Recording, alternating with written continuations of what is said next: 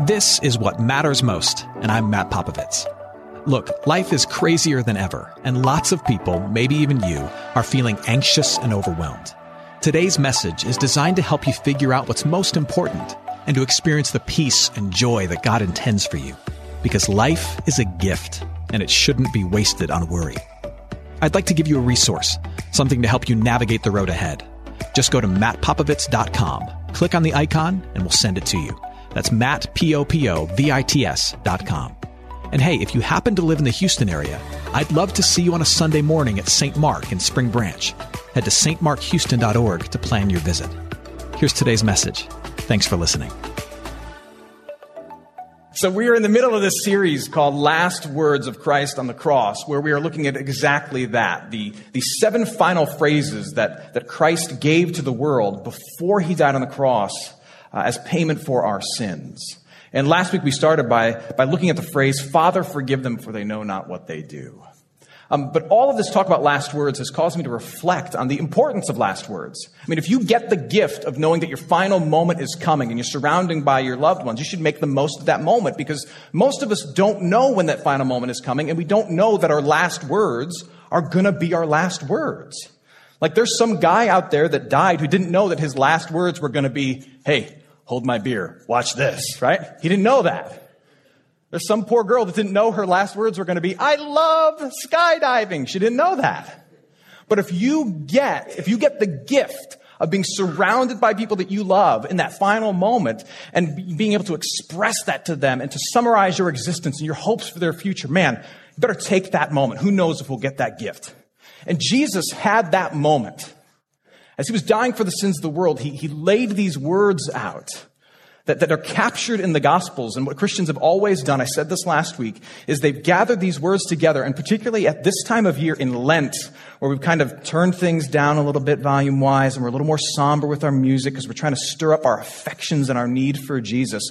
We, we've gathered these words together and we look at them and we hold them like treasures, believing that in these final moments, these words that Jesus chose to share with the world, tell us something about who he is and how much he loves us. And so today we continue that process of embracing these words. I'm going to read again our gospel text for this morning. I'm going to start it a little earlier at verse 36. So if you have a Bible, uh, take it out and, and open it with me. And I'd love for you to follow along with us. If you don't have a Bible, you have something that has access to the internet, like a tablet or a phone, open that up and follow along with us. Gospel of Luke, chapter 23. We're also going to be in the book of Romans a little bit this morning, so you can kind of put a placeholder there. Luke 23, Romans as well. When I get to the words of Jesus in this reading, you're going to see them in red, and I want us to read those words of Jesus together. The soldiers also mocked Jesus, coming up and offering him sour wine and saying, If you are the king of the Jews, save yourself. There was also an inscription over Jesus that said, This is the King of the Jews. One of the criminals who were hanged railed at him, saying, Are you not the Christ? Uh, Christ means Messiah, Savior, King, prophesied. Save yourself and us. But the other criminal rebuked him, saying, Do you not fear God?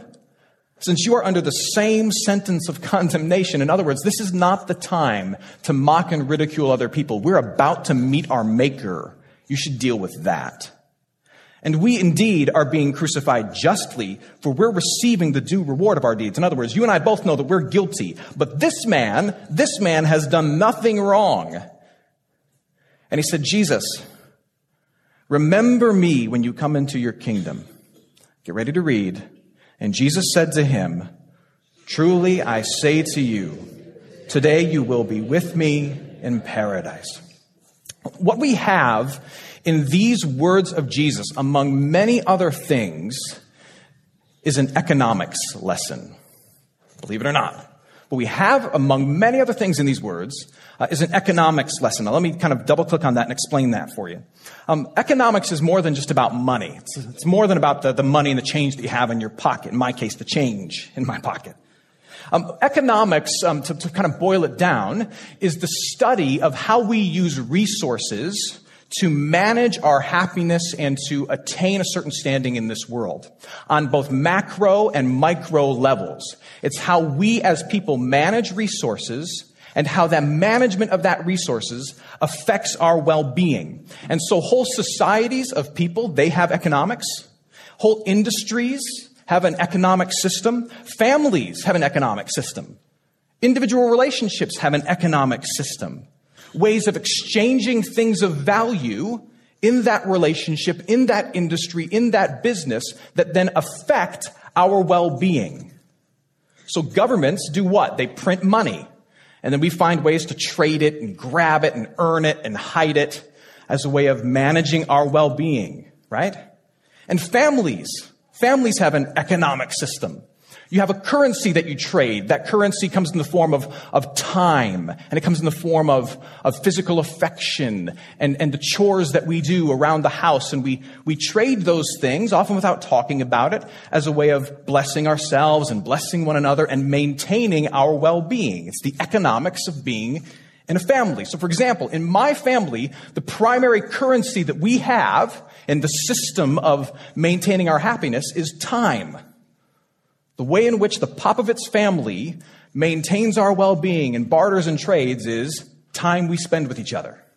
And I'm the only guy in our house. I have a, I have a wife, a daughter, and a dog that are all female, right?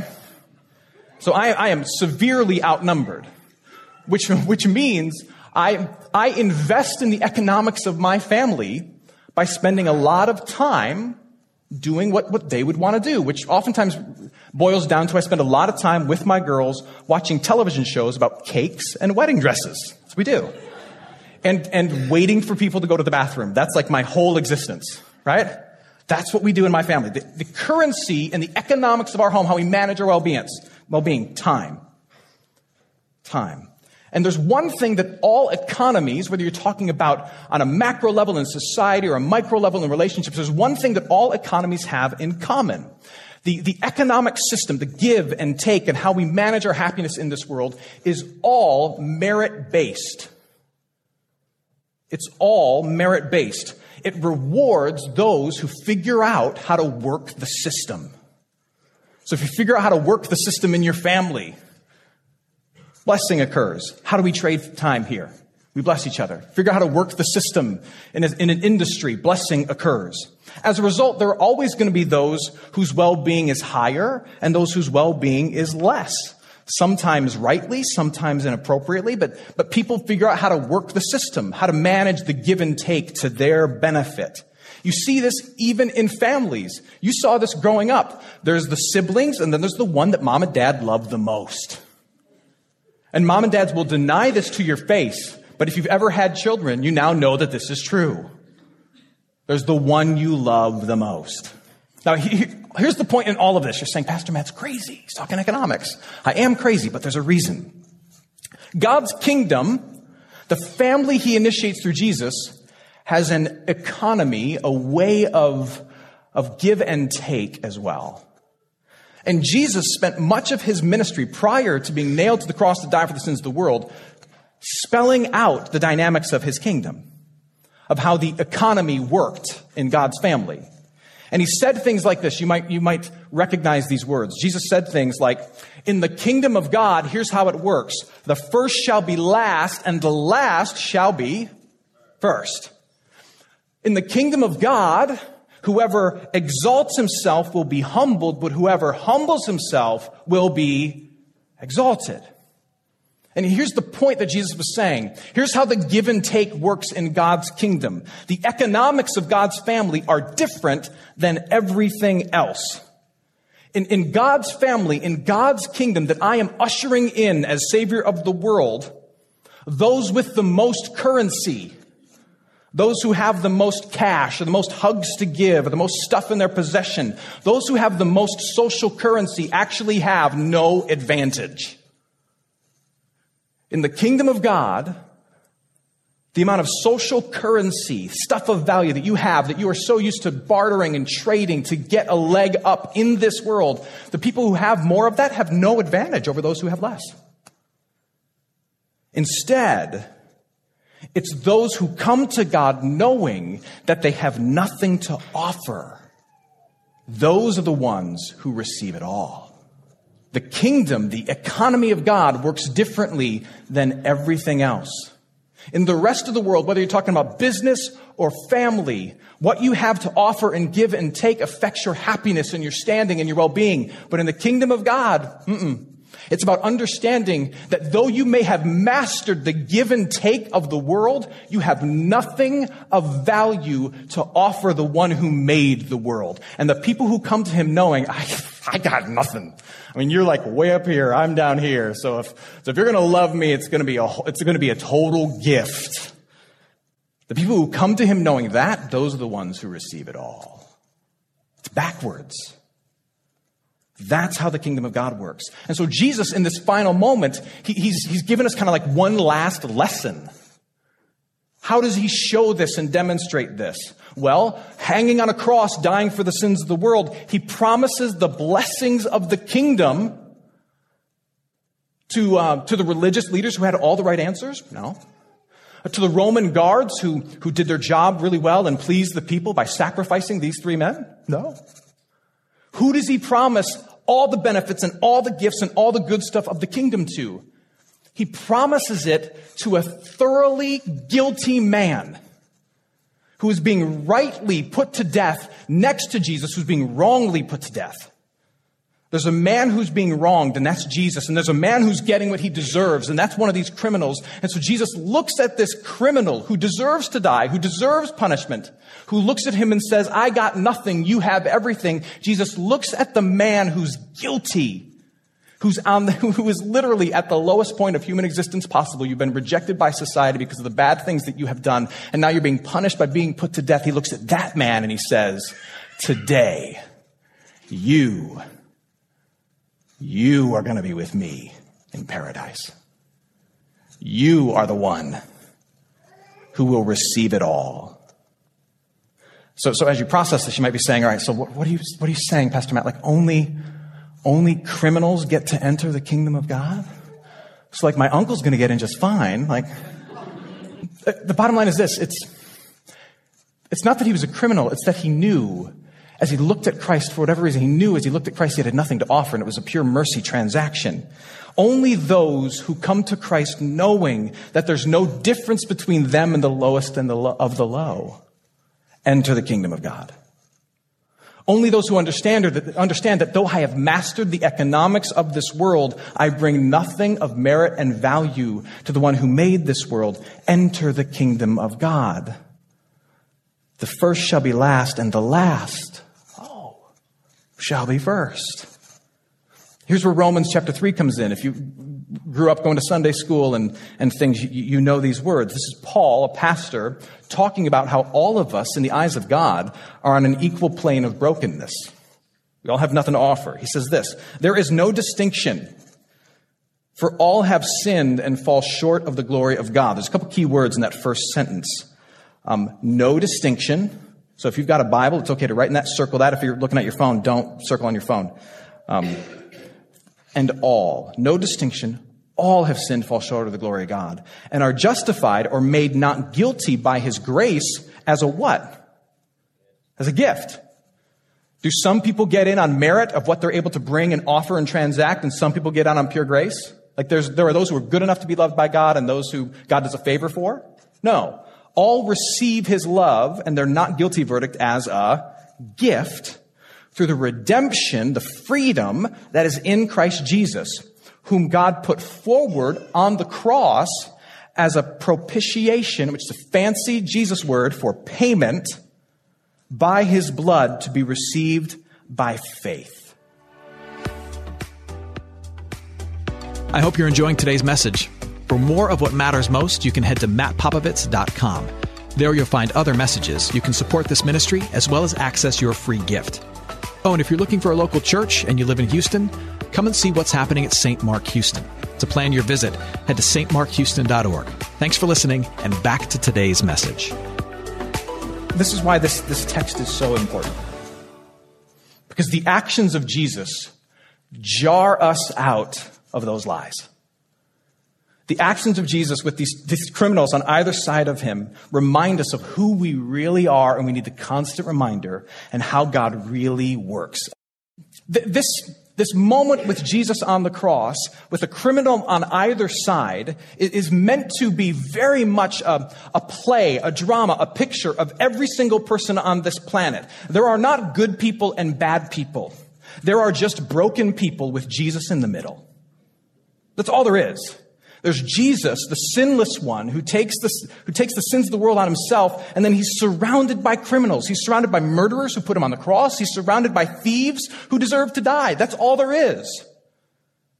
And the only distinction that's made is that there's one criminal who looks over at Jesus and he's so self-deceived by his own, about his own evil that he dares look at Jesus and make fun of him as if Jesus is somehow the one who's messed up the system and couldn't figure it out.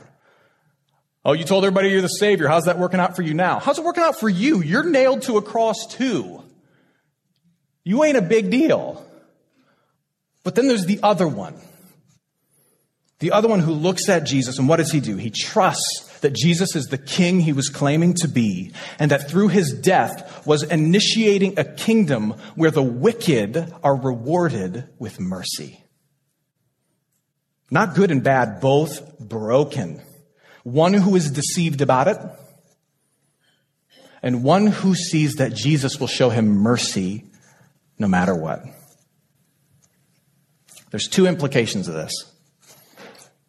Uh, the implications of, of this moment, these words of Jesus, are different for whether or not you are a baptized follower of Jesus Christ and whether you are, you are here this morning as a skeptic.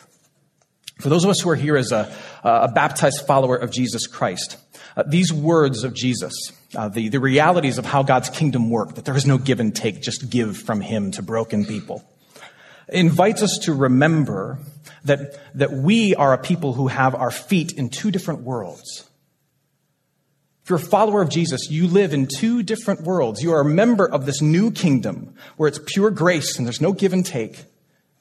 But you also have a foot in this other world where it is about performance and it is about what you can leverage and manage for your own success and, and the realities of your job and even your family work differently than the realities of the kingdom. And you have a choice every single day about which reality, which kingdom, which economy is going to be dominant in your thinking and in your acting. Am I going to see myself in light of this world where it's all about what I do?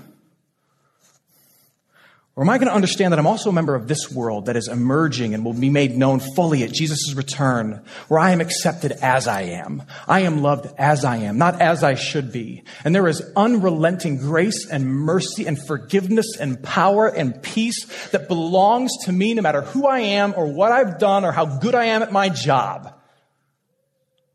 Only one of those can be the main narrative according to which you live out your day tomorrow. Are you going to be the sum total of your abilities? Or will you be a broken person who is loved undeservedly by God? It invites us to make that choice. If this new kingdom with these new, this new way of working has emerged, then what it means for you as a skeptic is that you can enjoy the freedom of being honest about how broken you are. You see, in every other economy, it is not safe for you to reveal your weakness. Oftentimes, it, doesn't help you in many of your relationships, and certainly at your job at times, it doesn't help you to reveal, I'm a broken person. Oftentimes, we don't know how to deal with that. It's not safe for us. Should be, but it's not. But if this economy is real, then it means that there is at least one space, one reality, one relationship where you are free to admit and be exactly what you are a thief on a cross. And know that there is no rejection, that you can say, Yes, I wrestle with this. Yes, I struggle with this. Yes, I have problems with this. Yes, I am not the awesome person that I build myself up to be. Yes. And aren't you tired of hiding that? Aren't you tired of trying to kid yourself? If the implications of this kingdom are true, then Jesus is inviting you to look at him and be honest about who you really are, maybe for the very first time. It also means that there is forgiveness for the worst parts of you. Let me just ask you this question, and you don't answer out loud. I mean, you don't have to. But um, what is the worst thing you've ever done? Like if, if, if it were, if, if, if there were a moment where you had to admit, you had to confess, otherwise there were, there were horrible implications, you still would be tempted not to say it, not to reveal it because it feels that deep and dark and bad. What is it? In this kingdom, in this economy, that thing is forgiven.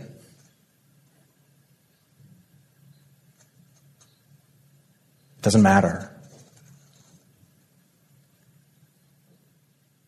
God cares about you, but he doesn't care about that sin. You do. He doesn't. Because Christ died for it. Someone was punished for it, but it doesn't have to be you. It was him. It also means that God now invites you into a countercultural way of living, where slowly but certainly, and this is what we're trying to do as followers of Jesus, we, we let the values of the new kingdom transform how we live in this dying and old economy, where it's all about performance. Ever wondered why it is that, that certain followers of Jesus, as they get overcome with, with what Christ has done for them, they start to like do things differently with their money, like they start to be generous, like more generous than other people would normally be? Like, why is that? Or they tend to now push away things like, like popularity and power, and instead they embrace values like obedience and sacrifice and service. Why is that? It's because the values of the kingdom that Jesus initiated and revealed to that criminal that welcomed them into, those values, the dynamic dynamics of that kingdom where it's all grace and where things like power and performance don't matter, that, that those values that saved you start to change you slowly but certainly, and they start to shape how you live. That's why the, the Christians, at the very least, should be slightly different than the rest of the world because the new economy is changing us as even as we live in the old. It's all about performance in the old, but, but this new one where it's pure grace molds and shapes us. And so we're free to be more generous. We're free to, we're free to sacrifice. We're free to be obedient to something bigger than ourselves. And, and that puts us at odds with the rest of the world at times, but it puts us at odds in a beautiful way. And if that is something that's intriguing to you or seems enticing to you, then maybe what's happening is that God is saying to you that you are not the thief on the cross who mocks Jesus, ignoring his own brokenness, but you, you are the thief on the cross who asks, who asks Jesus for mercy and receives it. That is who you are. What we have in this moment is, among many other things, this is one of those moments that can be preached for a thousand years. But one of the things we have in this moment is an economics lesson. Everywhere else, it's about give and take to move forward. In the kingdom of God, it's about simply receiving and recognizing you're broken and that Jesus brings it all and choosing to live in that reality. Jesus is breaking the system that we strivers and survivors so desperately cling to. And that may anger you or it may bring great peace to you. But my prayer for you as your pastor and your friend is that ultimately you might recognize and rejoice that that is very good news for you.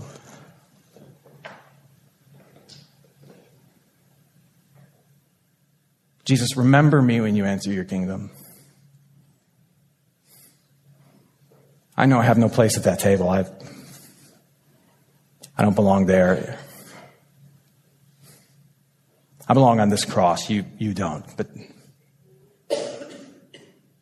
remember me when you enter your kingdom. Today, today you will be with me in paradise.